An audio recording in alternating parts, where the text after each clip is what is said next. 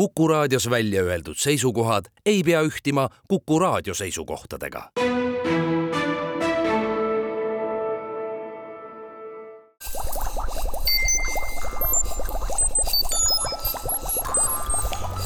kukkuv õun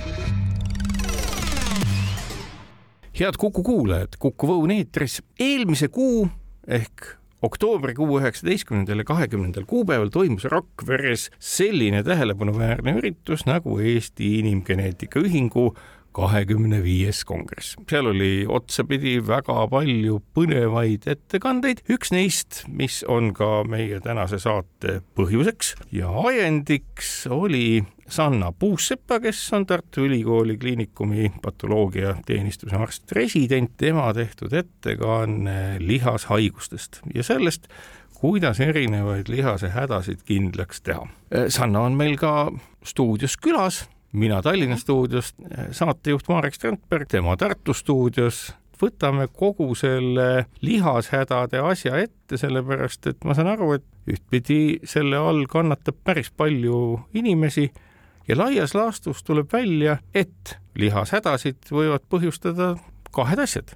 Kas ajust ja seljaajust ei jõua õigel ajal impulsid lihastesse või teine põhjus, nagu ma aru saan, mis on ka sinu uurimist teema ja doktoritöö teema olnud, on see, kui lihased on lihtsalt ühel või teisel põhjusel katki ja neist asjadest me täna räägime. tõesti, lihasprobleeme eh, ehk siis peamiselt eh, lihasnõrkust võib eh, põhjustada probleemid nii peaajus kui ka siis edasi seljaajus, sealt edasi ka perifeersetes närvides, sealt edasi läheb siis närvilihase vaheline ülekanne, seal võib ka viga esineda ja kõige lõpuks võib siis äh, viga esineda äh, lihases endas ehk äh, lihaskiudude sees.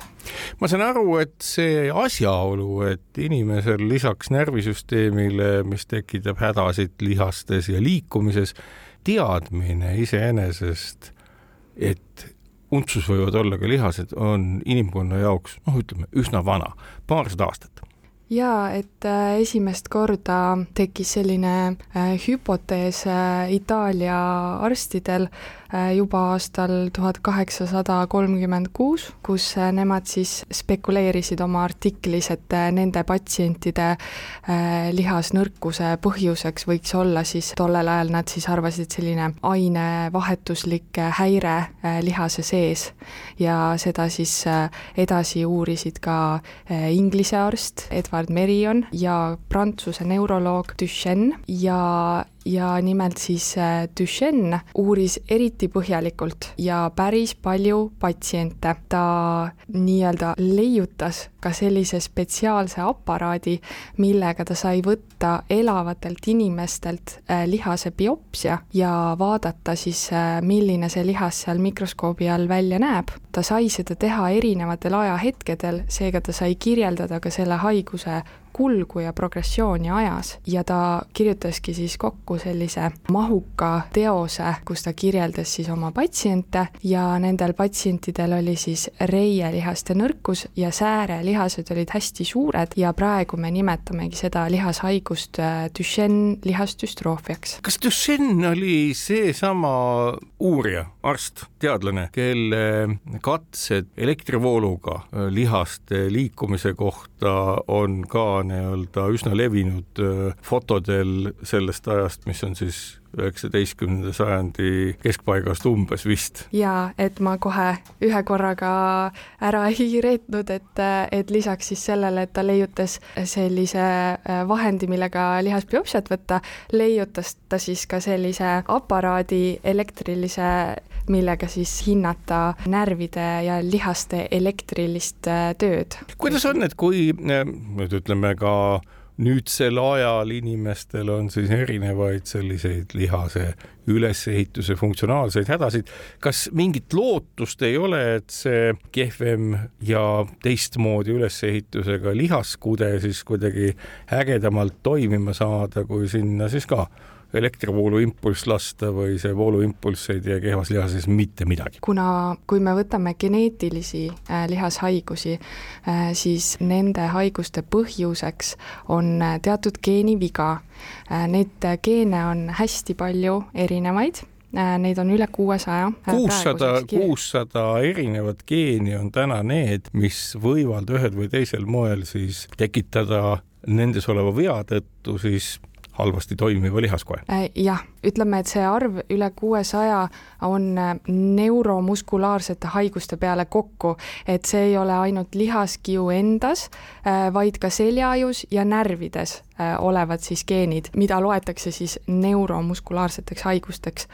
Äh, aga kui me võtame nüüd ainult lihaskude, siis seal on ka ikkagi ähm, ütleme, mitusada geeni. Ja nendest äh, väga paljud on struktuurigeenid ehk et lihaskiu sees, mis tagavad siis selle lihaskiu struktuuri, on siis mõni geen defektne ja seetõttu siis äh, avaldub lihashaigus.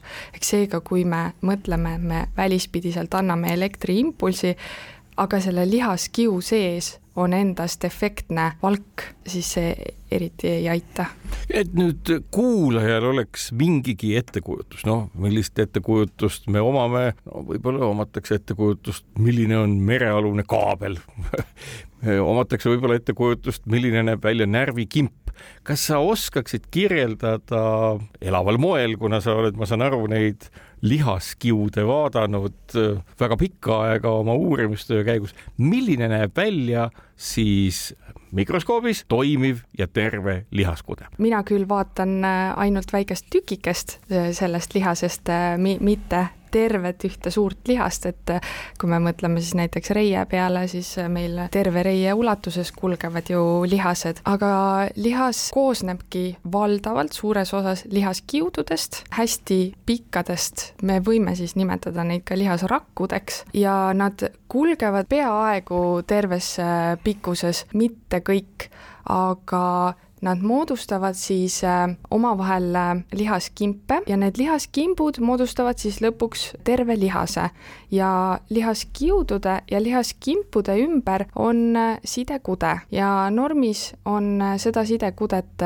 ainult natukene, vähesel määral. lihaskiudude vahel kulgevad siis veel veresooned, närvid, lümfisooned ka. kuidas on iga lihasraku kohta või iga lihasraku kimbu kohta, kui palju on siis närve, mis jõuavad äh, lihastesse? üks närv innerveerib paljusid äh, lihaskiude, et neid võib olla ka sadu.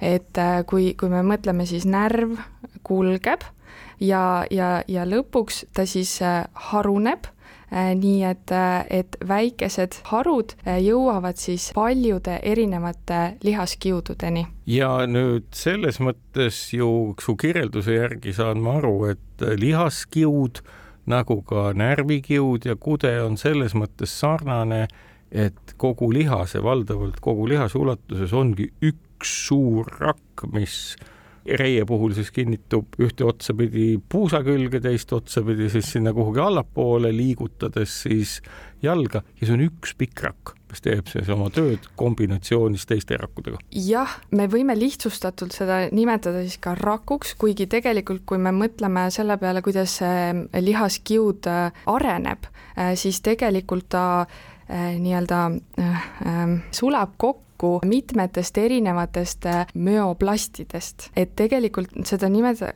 lihaskiude nimetatakse sünsütsiaalseteks äh, rakkudeks ja tal on palju, väga palju tuumasid. Ja noh, mitte kõik äh, siis lihaskiud ühes lihases ei, ei kulge otsast lõpuni, osad küll kulgevad, aga, aga üldjuhul me võime küll mõelda niimoodi, et nad on hästi pikad. ja erinevalt närvikoest on lihaskoel siis omadused et äh, vigastuse puhul suudab lihaskude end taastada. jaa, kui lihaskiud saavad vigastatud, äh, siis äh, aktiveeruvad lihaskoe tüvirakud ehk satelliitrakud, nad paljunevad ja nad arenevad ehk diferentseeruvad müoplastideks, edasi müotsüütideks ja nad on võimelised kas siis moodustama täiesti uue lihaskiu, jällegi niimoodi kokku sulades, või siis parandada siis ähm, olemasoleva lihaskiu defekti, kui see on ainult teatud piirkonnas defekt. nii et selles mõttes on ta ühtpidi sarnane natuke närvikoega ja teistpidi oma taastumisvõime tõttu erineb sellest kõvasti. Äh, jah, lihas, lihaskoes on võimalik regeneratsioon, taastumine, jah. aga siinkohal teeme saatesse väikese pausi ja jätkame lihashaiguste olemusega pärast väikest vaheaega. kukkuv õun head kuulajad, Kuku Õun eetris räägime Sanna Puussepaga, kes on Tartu Ülikooli Kliinikumi patoloogiateenistuse arst-resident, lihashaigust. tõukub see ka üheksateistkümnendal ja kahekümnendal oktoobril Rakveres toimunud inimgeneetika ühingu kahekümne viiendast konverentsist, kus siis äh, jõuamegi nüüd siis tiiruga sinnamaale, et äh, miks me neist lihashaigustest räägime ja ma saan aru, et äh, tänaseks hetkeks on kindlaks tehtud väga suur hulk geneetilisi põhjusi, mis tingivad siis lihashaiguste tekke ja äh, nende arengu sa mainisid eelmises osas, et äh, neid geene on sadu, mis põhjustavad äh, lihashaigusi. kuidas nende geenidega on, et kas need geenid on siis sellised, nagu mõnede tõbede puhul me teame, et on noh, nii-öelda paljude-paljude erinevate geenide põhjustatud hädad kombinatsioonis, olgu need siis, ma ei tea, vähk või mingid muud asjad, või on need nii selged äh, konstruktsioonivead, et neid põhjustab üks või kaks geeni maksimaalselt? Äh, ja lihas, geneetilised lihashaigused on suures osas põhjustatud ainult ühe geeni defektist on äh, leitud ka kaks sellist äh, alavormi, kus on vajalik siis kahe erineva geeni defekt koos, et see äh, lihashaigus avalduks, aga valdav enamus on siis põhjustatud ainult ühe geeni defektist. Ja kui see geenidefekt on, et seesama su eelmises saate osas kirjeldatud ideaalne lihaskond või lihasrakusüsteem, kus on äh, rakkudest moodustatud kimbud, mis on omavahel eraldatud siis, äh, sain aru, kollageenist vaheseintega. milline see pilt siis on, kui on tegemist ühe, teise, kolmanda või ma ei tea, mitmenda lihashaigusega, mida siis seal patoloog näeb? see sõltub lihashaigustest. tegelikult äh, osade lihashaiguste puhul ei pruugigi väga palju äh, muutusi olla aga kui me räägime raskemini kulgevatest lihashaigustest, lihasdüstroofiatest, eh, siis seal on näha nekrootilisi ehk siis kärbunud lihaskiude. Samamoodi, mis ma enne rääkisin, et kui eh, lihaskiud saab kahjustatud, siis aktiveeruvad lihaskoe tüvirakud eh, ja hakkab toimuma regeneratsioon, siis me näeme nii nekrootilisi ehk neid kärbunud lihaskiude äh, kui ka regenereeruvaid lihaskiude. mingil hetkel äh, saab selle lihase reserv, regeneratsiooni reserv otsa ja siis hakkab vohama sidekude äh, nende siis ära surnud lihasrakkude asemele, võib hakata vohama ka rasvkude, ehk siis sidekude ja rasvkude, tekib fibroos ehk et igal juhul püüab äh, organism tühja koha mingi asjaga täita, kui sinna elusaid rakke ei teki ja see on siis käepärane materjal, rasv või, või kollageen või parasjagu, mis käepärast on. Jah, et äh, sellepärast äh, selle lihashaiguse puhul, millest enne sai räägitud, Duchenne lihasdüstroofia, äh, nendel patsientidel on siis iseloomulik, et säärelihased on hästi suured, see tulebki mitte sellest, et tal, nendel on lihaskiud seal see, sees lihase sees suured, vaid just sellest, et nendel on selle side ja rasvkoe vohamine seal lihases ja selle, ja seda nimetatakse pseudohüpertroofiaks ja, ja selle tulemus on ikkagi see, et vaatamata sellisele jõulisele väljanägemisele on inimeste liikuvus oluliselt madalam ja eluolu kehvem. Ja. nüüd, kui tulla sinnamaani, siis äh, ma saan aru, et äh, nendesamade biopsiatega on mindud päris kaugele ja suudetakse tänasel hetkel nii teha biopsiaid kui analüüsida siis selle biopsia käigus võetud äh, lihaskoe proovidest ka erinevaid geeniosi. kuidas see biopsia tegemine tänapäeval käib, ma saan aru, et Duchenne'i aegu oli see selline ikkagi valulik protseduur ja keegi ei oska öelda, kui hügieeniline just ja mis nendest patsientidestki sai. mismoodi täna näeb välja lihasbiopsia võtmine? täna on meil kaks varianti. Äh, üks variant on äh, avatud biopsia, äh, kus kirurg teeb skalpelliga suhteliselt ikkagi väikese avause, aga siis ta laiendab seda avavust, et ta näeks äh, lihast äh, ja võtab äh, siis äh, skalpelliga tükikese lihast välja. teine variant on nii-öelda poolavatud meetod. Tartu Ülikooli Kliinikumis äh, neurofüsioloogid äh, kasutavad äh, praegu tangibiopsiat, sellisel juhul on ikkagi vaja teha naha sisse lõige, aga selle lõike saab teha väiksema ja viiakse siis eh, sealt avausest sisse selline instrument, mida nimetatakse siis eh, tangiks, et tangibiopsia ja, ja nii-öelda siis hammustatakse sealt lihasest eh, tükikesi ja lihas hakkab seepeale, nagu ma saan aru, taastuma, inimesel on mõnevõrra ebamugav, aga see kogus on ikkagi väga väike, mis sealt võetud saab. jaa, et ähm, see on kuni sentimeeter. jah, nagu ennem sai juba ka räägitud, siis äh, kahjustuse korral hakkab lihas taastuma. ma saan aru, et ka genoomi analüüs tehakse just nimelt lihasbiopsiast, äh, mitte verest. miks see nii on? Kui me räägime tuumageenide mm, analüüsimisest, siis äh, seda me teeme ikkagi verest. me saame uurida ka lihast, aga lihasest äh, geneetiliste uuringute aspektis äh, on siis vajalik teha teistsuguseid uuringuid. meie rakkudes on tegelikult kaks genoomi. meil on meie rakkude enda tuuma genoom ja siis on meil veel mitokondriaalne DNA.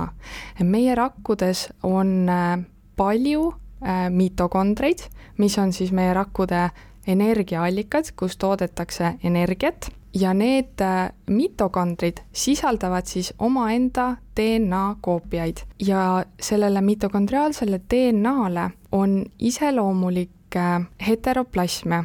see tähendab seda, et mitte kõik need DNA koopiad ei pruugi olla täpselt ühesugused. ehk et organismi ähm, eri osades olevates rakkudes on täiesti erineva geneetilise mustriga mitokondrid, saan ma aru? ma ei ütleks päris niimoodi, et täiesti erineva, aga teatud määral, määral piisavalt, et põhjustada üht või teist häda siis? Kui äh, sellest on tekkinud äh, haigus, äh, siis küll. kui me võtame terveid inimesi, siis ka tervetel inimestel on näidatud hästi väikeses protsendis erinevusi. teatud punktides seal mitokondriaalses DNA-s on ka tervetel inimestel hästi väikeses protsendis erinevusi, aga erinevate haiguste puhul, mis on siis põhjustatud teatud mitokondriaalse DNA defektidest, see protsent mis peab olema, et haigus tekiks, on erinevate haiguste puhul erinev, aga ta on ikkagi palju suurem kui tavapäraselt äh, siis tervete inimeste heteroplasmia puhul. Ma saan aru, et äh, mitokondritega võib siis juhtuda ka geneetiliselt midagi juba enne sündi või võivad ka mitokondrid nii-öelda katki minna siis äh, elu vältel ise või mis mehhanism see on, et kuidas siis raku energiaallikas ja hingamisega seotud organell, nagu mitokonder seda on, siis ühtäkki satub olukorda, kus hakkab see mõjutama nii tugevalt kõikvõimalikke lihaste toimimisi ja ainult lihaste toimimisi, saan ma aru. mitokondriaalsete haiguste puhul, osade muutuste puhul tõesti võib olla kahjustunud või eh, siis sümptomid eh, avalduda ainult eh, lihaste poolt, aga tegelikult valdav enamus mitokondriaalseid haigusi on ikkagi multisüsteemsed, ehk et haaratud on mitu erinevat elundit ja elundkonda. ja seda sellepärast, et, et mitokondrid on meil ju paljudes keharakkudes. kui küsimuse esimese poole juurde tulla, siis äh, mõlemat pidi. ühelt poolt on meil siis jällegi pärilikud äh, mitokondriaalsed haigused, mis on siis primaarsed mitokondriaalsed haigused, kus äh, kus siis äh, on päritud defekt mõnes mitokondriaalses geenis, aga teistpidi võivad meil eluea jooksul, võib siis tekkida sekundaarne mitokondriopaatia, mis tähendab, et, et meil on eluea jooksul hakkavad kuhjuma mitokondriaalse DNA kahjustused, ehk siis sinna tekivad erinevad mutatsioonid ja mitokonder kui... enda seda pärilikkusainet, nii nagu tuumas juhtub erinevate mehhanismidega, parandada ei suuda? ikka suudetakse parandada, aga sinna eh, lihtsalt tekib neid rohkem ja kui me mõtleme, siis meil on ühes rakus on meil üks tuum, aga meil on palju mitokondreid ja, ja siin tulebki ka mängu see heteroplasmia, et meil ei teki mitte kõikides mitokondrites seda muutust, vaid, vaid ainult osad äh, mitokondrid saavad äh, kahjustatud. kui äh, mina vaatan siis lihasbiopsiaid, siis teatud vanusest alates, piiriks on siis võetud nelikümmend eluaastat, siis mina hindan ühte sellist värvingut, mis on siis tsütokroom C oksüdaasi ensüümreaktsioon ja tsütokroom C oksüdaas on siis mitokondriaalse hingamisahela ensüüm ja ma hindan seal värvingus eh, kas selle ensüümi aktiivsus on puudu või ei ole. Ja alates neljakümnendast eluaastast äh, võib hakata tekkima äh, neid koks-negatiivseid äh, lihaskiude. mida tähendab koks-negatiivne? ehk siis neid lihaskiude, kus siis selle tsütokroom C, C-oksüdaasi ehk koks lühendatud äh, ensüüm, ensüümaktiivsus on puudu ja mida vanemaks inimene saab, seda rohkem võib tal neid koks-negatiivseid lihaskiude seal lihases olla ja seda me siis loeme nii-öelda normiks. aga see on siis nii-öelda sekundaarne mitokondriaalne kahjustus, mis meil eluea jooksul kõigil paratamatult äh, tekib. võib te-, ütleme niimoodi, et et äh, ma olen näinud ka äh, selliseid lihaseid äh, kaheksakümnendates eluaastates, kus ei ole mitte ühtegi koks-negatiivset lihaskiudu. et, et ei saa öelda, et see paratamatult tekib, aga paljudel tekib. siinkohal teeme saatesse väikse pausi ja kuulake meid pärast vaheaega edasi.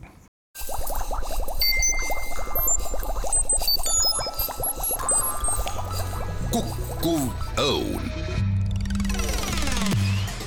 head Kuku kuulajad, Kuku Õun teadussaade jätkub, me räägime Sanna Puusepaga, kes on Tartu Ülikooli Kliinikumi patoloogiateenistuse arst-resident ja lihaste alal äsja ka oma doktoritöö kaitsnud uh, uurija, temaga just lihashaigustest, mina saatejuht Marek Strandberg.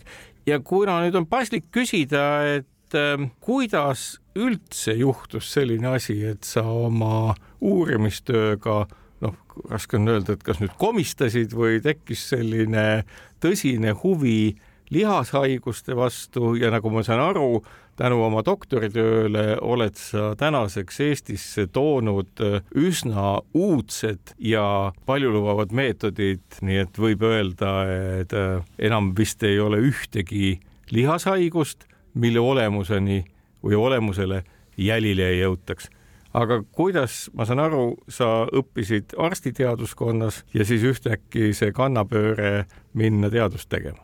räägi sellest ajaloost veidi. Äh, jah, kaks tuhat kolmteist ma lõpetasin arstiteaduskonna ja läksin edasi õppima äh, meditsiinigeneetika residentuuri ja residentuuri esimesel aastal professor Katrin Õunap küsis minu käest üks päev, kuidas mulle meeldiks, kas mulle pakuks huvi õppida lihaspatoloogiat, õppida äh, lihasbiopsiate vaatamist.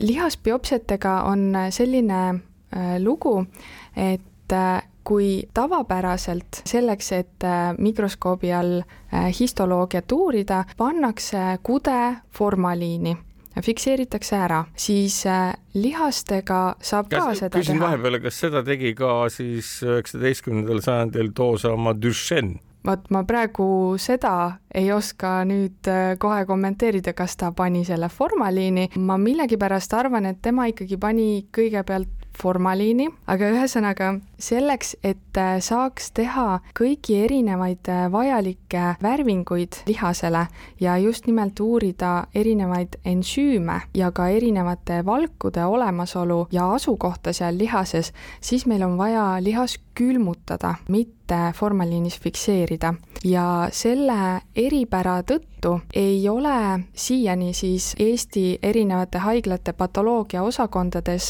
seda uuringut tehtud ja selle külmutatud lihaskoe uuringutega alustas tuhande üheksasaja üheksakümne kolmandal aastal Eestis dotsent Andres Piirsoo. Ja aastal kaks tuhat neliteist mina siis läksingi Andres Piirsoo juurde õppima lihasbiopsiate vaatamist ja lihaspatoloogiat. Ja olin äh, kolm kuud, olin ka Berliini Charité ülikooli haigla neuropatoloogia instituudis, äh, õppisin äh, professor Goebeli ja professor Stentseli juhendamisel lihaspatoloogiat ja edasi sai tehtud selline otsus, et residentuur jääb pausile ja jätkan edasi doktorantuuriga, et ühendada siis lihaspatoloogia ja geneetikaõpingud. et selle koha pealt ikkagi juba enne minu doktoritööd Äh, oli Andres Piirsoo poolt kõik äh, sisse seatud ja tee ette rajatud, et hetkel ma olen võtnud mõned uued äh, antikehad kasutusele, mida Andres Piirsoo ajal ei teinud,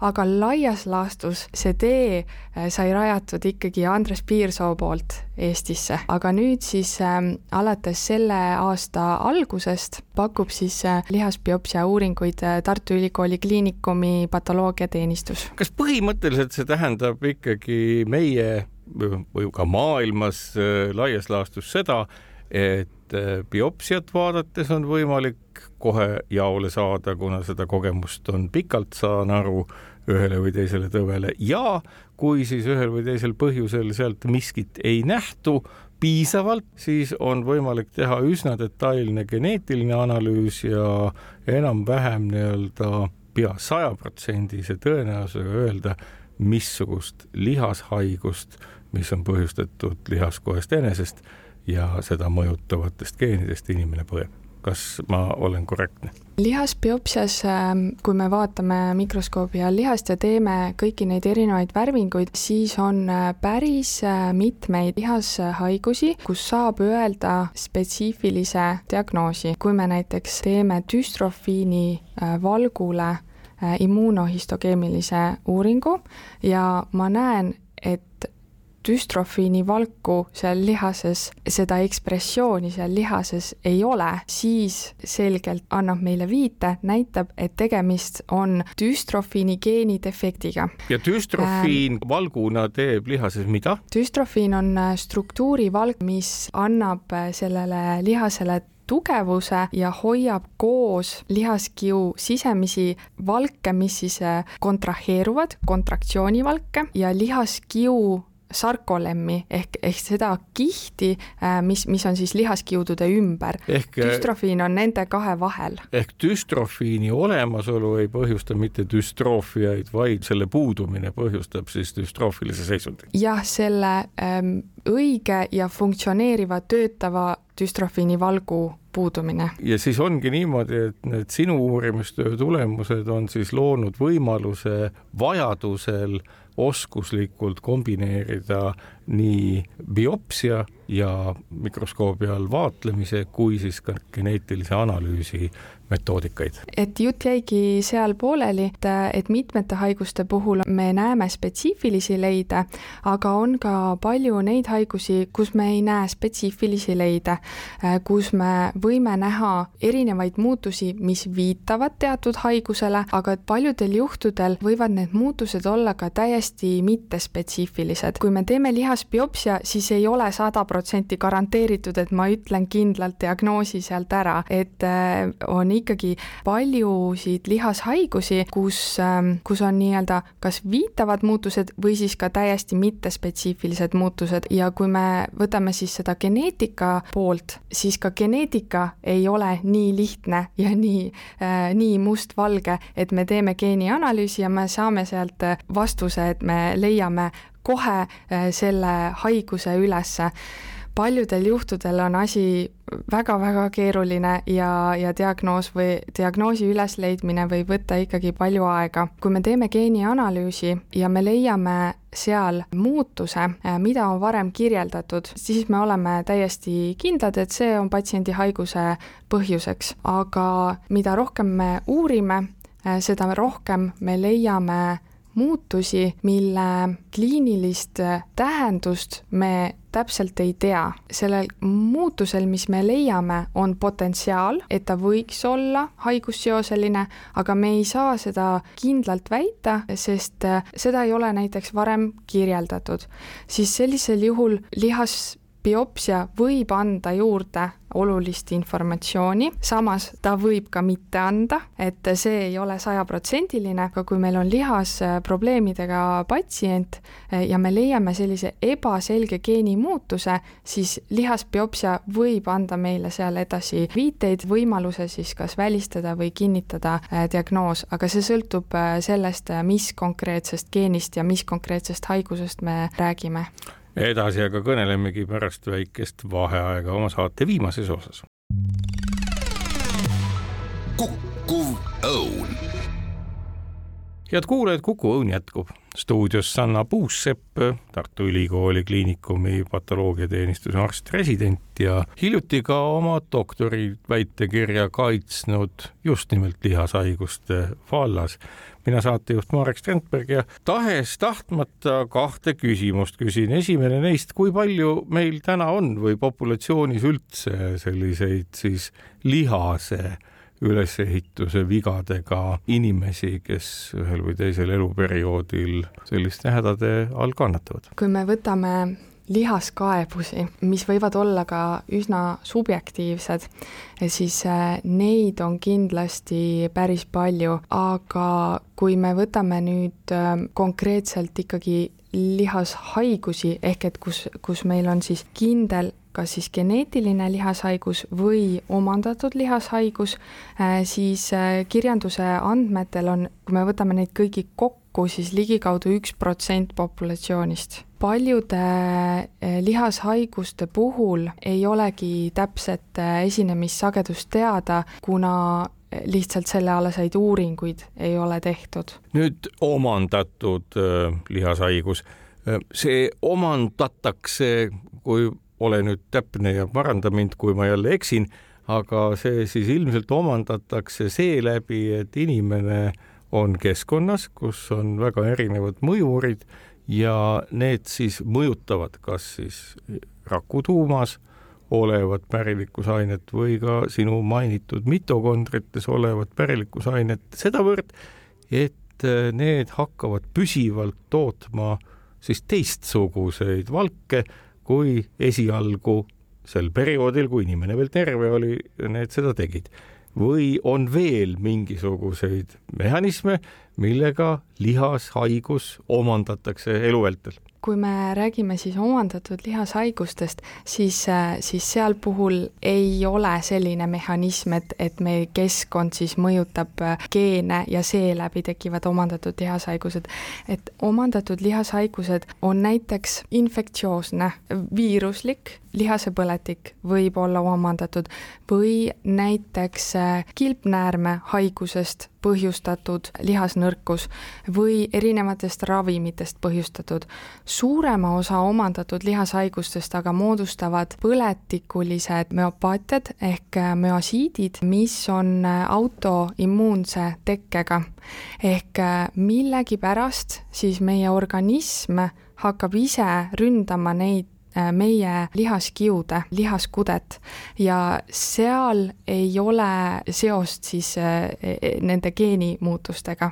ehk et meie et, enda immuunsüsteemi hädad või teistsugune tundlikkus põhjustab selle, et ühtäkki immuunsüsteem ütleb ohoo see lihaskude on küll meie vaenlane, kuna see millegi tõttu seda ära ei tunne. jah, et niimoodi see autoimmuunsete haigustega on ja neid on äh, palju erinevaid ja ei ole täpselt teada neid põhjuseid, miks see tekib, aga millegipärast jah, ja on meie oma immuunsüsteem pöördub siis meie lihaste vastu. Ja tegelikult siis osade nende müosiitide puhul ei ole mitte ainult lihas haaratud, vaid ka on näiteks ka nahk haaratud või on kopsud haaratud. Üks asi, milleni me nüüd paratamatult jõuame, ongi kõikide nende lihashaiguste ravi, millega ma saan aru, sa otseselt ei tegele, aga kuna need geenivead, millest me siin saate algupoole kõnelesime, on niivõrd ilmsed,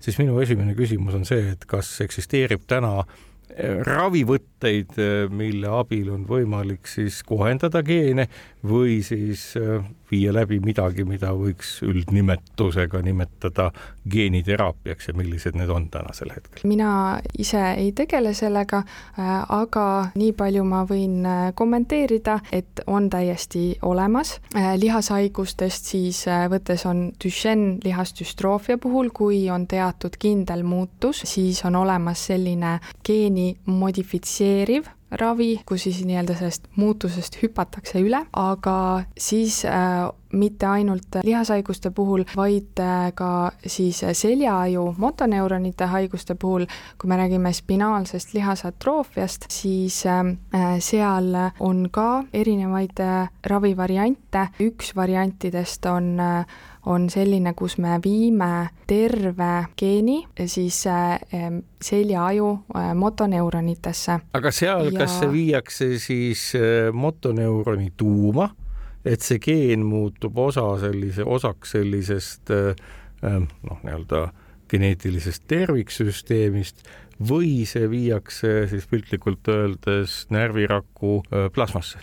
Vot äh, seal ongi niimoodi, et, et äh, see geen ei lähe meie enda genoomi sisse, ta jääb eraldiseisvana, ta läheb ikkagi tuuma, ta jääb tuumaplasmasse, aga ta, ta jääb eraldiseisvana sinna rakku, et, et ta ei lähe äh, meie genoomi sisse, ta on eraldiseisvana seal ehk et natukene meenutab see seda meetodit, millisel moel siis mRNA või informatsioonilise RNA abil luuakse vaktsiine, kus siis valku sünteesiv mRNA jupstükk siseneb küll jah, mitte raku tuuma, vaid raku siis plasmasse, kus siis käivitub vastava valgu süntees niimoodi, et immuunsüsteem õpiks aru saama sellest, et ma saan aru, et see on midagi samasugust, aga ainult väga üldiselt, et raku tuuma viiakse siis sisse eraldi geen, mis ei muutu ühelgi moel nii-öelda meie kromosoomide osaks, vaid siis vajadusel käivitab ja toodab siis seda ainet millest parasjagu puudu on, mis on siis ühe või teise, kas siis lihas- või närvihaiguse põhjustajaks. kas see on enam-vähem korrektselt kokku võetud? jaa, et neid katsetusi, et, et muuta siis äh, meie genoomis paiknevat defektset DNA-d. Äh, neid äh, katsetusi on ka, aga ei ole jõutud siis selleni, et, et mõni nendest ravimitest oleks saanud müügiloa, aga jah, täpselt, et, et praegu on müügiloa saanud SMA ehk spinaalse lihasatroofia ravim siis selline, kus ta jääb eraldiseisvana äh, sinna raku tuuma ja, ja sealt siis pidevalt luuakse tervet valku. kas sa oskad kommenteerida see juhtum, mis Eestis oli ka seotult ühe äh, tüdruku siis lihashaigusega, mida see puudutas ja millise raviga sel juhul oli tegemist, ma saan aru ka geeniraviga, aga millisega täpselt? ilmselt äh, te mõtlete Annabeli juhtumit? Annabeli juhtum, jah, täpselt, täpselt. jaa, tema sai sedasama geeniravi, millest ma rääkisin, selle ravimi, ravimi nimi on äh, Solgensma ja ta sai seda USA-s ja, ja see oligi, ongi just täpselt see, millest me praegu rääkisime, terve geen viiakse siis äh, raku tuuma ja ta jääb sinna eraldiseisvana ja, ja sellest toodetakse siis tervet valku. seda seda on vaja, ma kujutan ette, aeg-ajalt uuendada või see on aegade algusest aegade lõpuni on see kunst juba nii heaks läinud, et organismis endas olevad nagu lagundamismehhanismid siis seda geeni kombinatsiooni molekulina ära ei hävita. Äh, see Solgensma ravim on ühekordne äh, seda tehakse ühe korra ainult ja seal sõltub äh, väga palju sellest ajahetkest et kui palju me saame siis inimest aidata, et need närvirakud, mis on juba ära hävinenud, et neid me tagasi tuua ei saa, aga kui sellest hetkest, kui ravim saab siit siis tehtud, siis me saame vältida järgmiste närvirakkude hävingut. Ma saan aru, et kõik need geneetilised hädad ühel või teisel põhjusel tulenevad asjaolust, et inimesed lihtsalt elavadki oluliselt vanemaks kui varasematel aegadel, kui võib-olla Duchenne'i puhul nägi ta neid veidrate äh, säärelihastega inimesi ja hakkas seda analüüsima ja muid tõbesid siis ei olnudki, kuna inimeste eluead olid lühemad.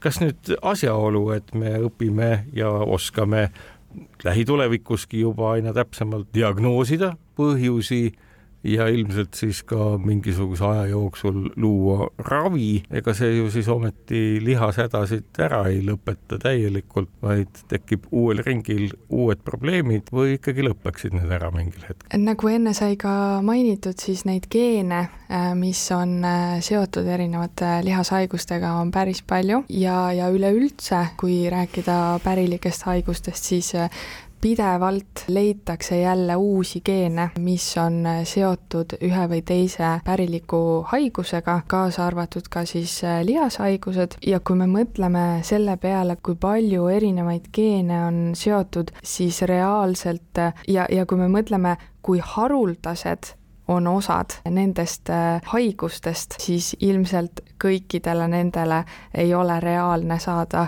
spetsiifilist geeniteraapiat, aga mida aeg edasi, seda paremaks äh, läheb diagnostika, seda rohkem me diagnoosime erinevaid lihashaigusi, selle arvelt äh, siis nii-öelda suureneb inimeste hulk, kes on saanud kindla lihashaiguse diagnoosi, teistpidi, mida vanemaks siis äh, me elame, seda rohkem meil populatsiooni tuleb inimesi, kellel on erinevad omandatud lihashaigused. aitäh, Sanna Puusepp, et said tulla Kuku Õuna saatesse kõnelema lihashaigustest, nende diagnoosimisest ja võimalikest ravimeetoditest ka. sellega on Kuku Õuna saade läbi, kuulake meid jälle täpselt nädala pärast ja kaunist päeva teile.